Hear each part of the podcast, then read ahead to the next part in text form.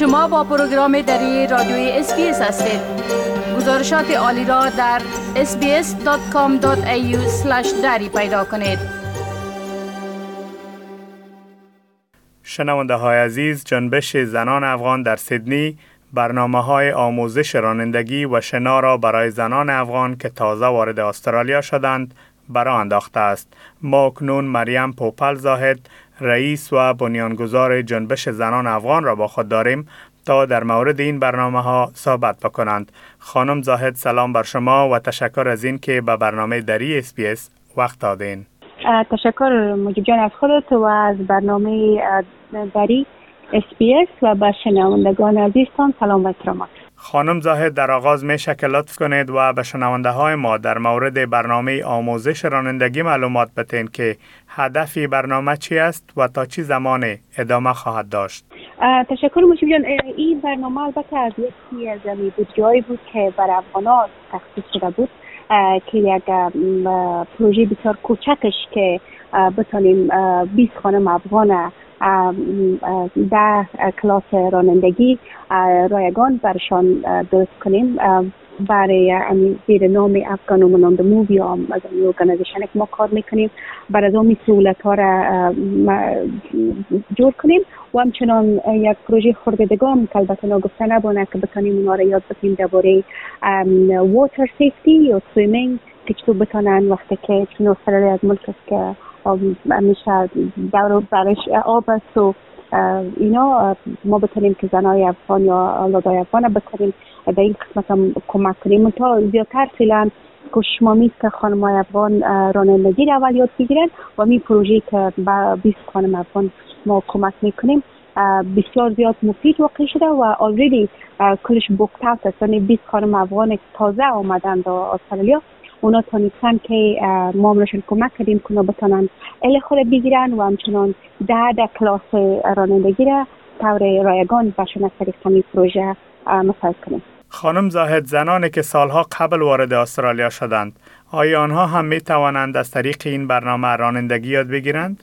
ما کوشش می‌کنیم البته همی از بسیار یک اشاره خوب بود به خود کمیونیتی هم وقتی که ما این پروژه را گرفتیم که به خانمای تازه آمده یا چون تارگت بودن در زیر این پروژه یا زیر بجد حکومتی.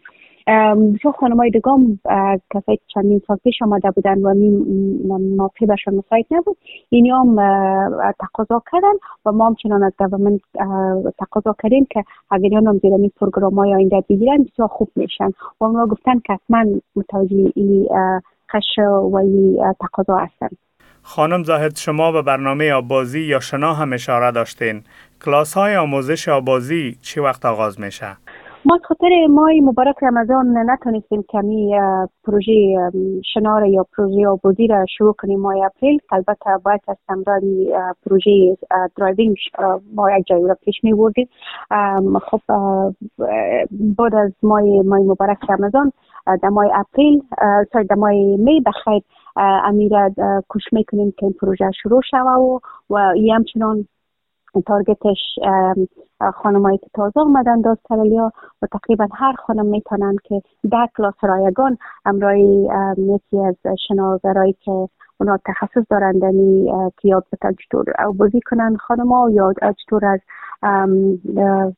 متوجه باشن که وقتی که اولادار بازی می‌برن یا خودشان پیش در بحر می در پیش سایل میرن و بحر میرن اینا چطور بتونن که از خود مواظبت کنن و از اطفال خود مای به خیرهای می شروع میشه خانم زاهد آیا جنبش زنان افغان برید هم کدام برنامه دارد؟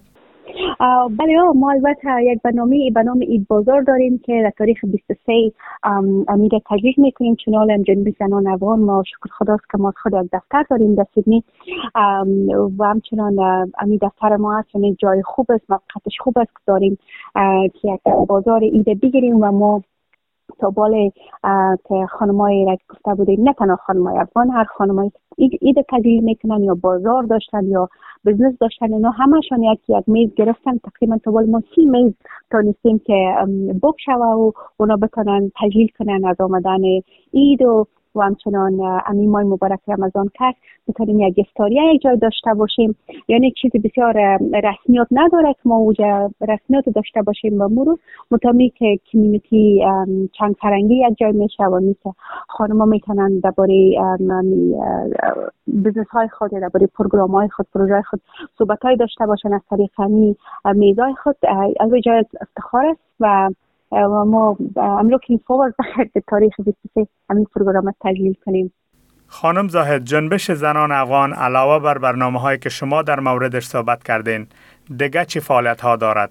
و کسانی که تازه وارد استرالیا شدند چطور می‌تونند با سازمان شما به تماس شوند؟ البته همه خوش آمدن و خوش بیایند به دفتر ما نگفته نبونه که ما در چهار سال گذشته که امی جنبش به فعالیت آغاز کرد امی ویروس کووید نتونست نمون ما که ما آندرگراوند یا فعالیت های داشته باشیم که در بتانیم امرای همه به تماس باشیم. اما خوشبختانه آل تونستیم که امی دفتر دفتر باز کردیم.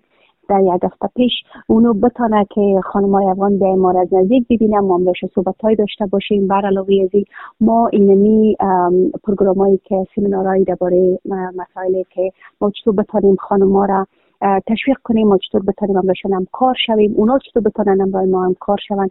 ما زمین پروگرام های پروژه های معلوماتی خود همراه و کار کنیم. دو سه کنفرانس داریم که اونا می‌تونن که خانمایی که از افغانستان آمدن و اونجا کارایی داشتن که با حکومت استرالیا یا مثلا مردم استرالیایی از او با خبر شن بتونیم کنار را بهشان زودتر کمک برسانیم و همچون پروژه داریم پروژه امی driving که بر ما funding باشه نباشه ما چون خودم بسیار علاقه دارم که خانم همش باید driving داشته باشن و نباید تنها funding اونا را محدود کنن از یاد گرفتنش. ما تونستیم که هفته یک بار کلاس های آموزش driving برشاد تیار کنیم. اونا می‌تونن که یا طریق زوم یا که داخل دفتر یا ما در دفتر بیان در کورس ها باشن دیگه کورس خیاطی داریم. این قسمت هم می‌تونن برای ما بخیر ثبت نام کنن.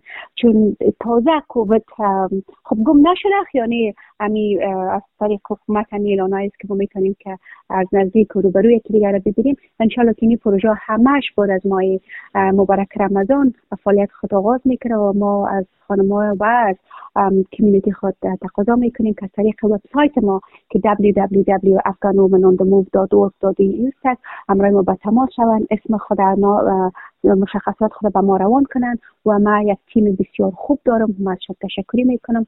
که می‌تونن هر کدامشان نظر به تخصصشان و نظر به تقاضا اونا امراشون به تماس شوه و بهشان بگوین که چطور و کجا بیاین از این پروژه استفاده کنن مریم پوپل زاهد رئیس و بنیانگذار جنبش زنان افغان در سیدنی تشکر از این معلوماتتان روز خوش داشته باشین تشکرم از شما همچنان مجیب می خواهید این گونه گزارش ها را بیشتر بشنوید؟ با این گزارشات از طریق Apple Podcast، Google Podcast، سپاتیفای و یا هر جایی که پادکاستتان را می گیرید گوش دهید.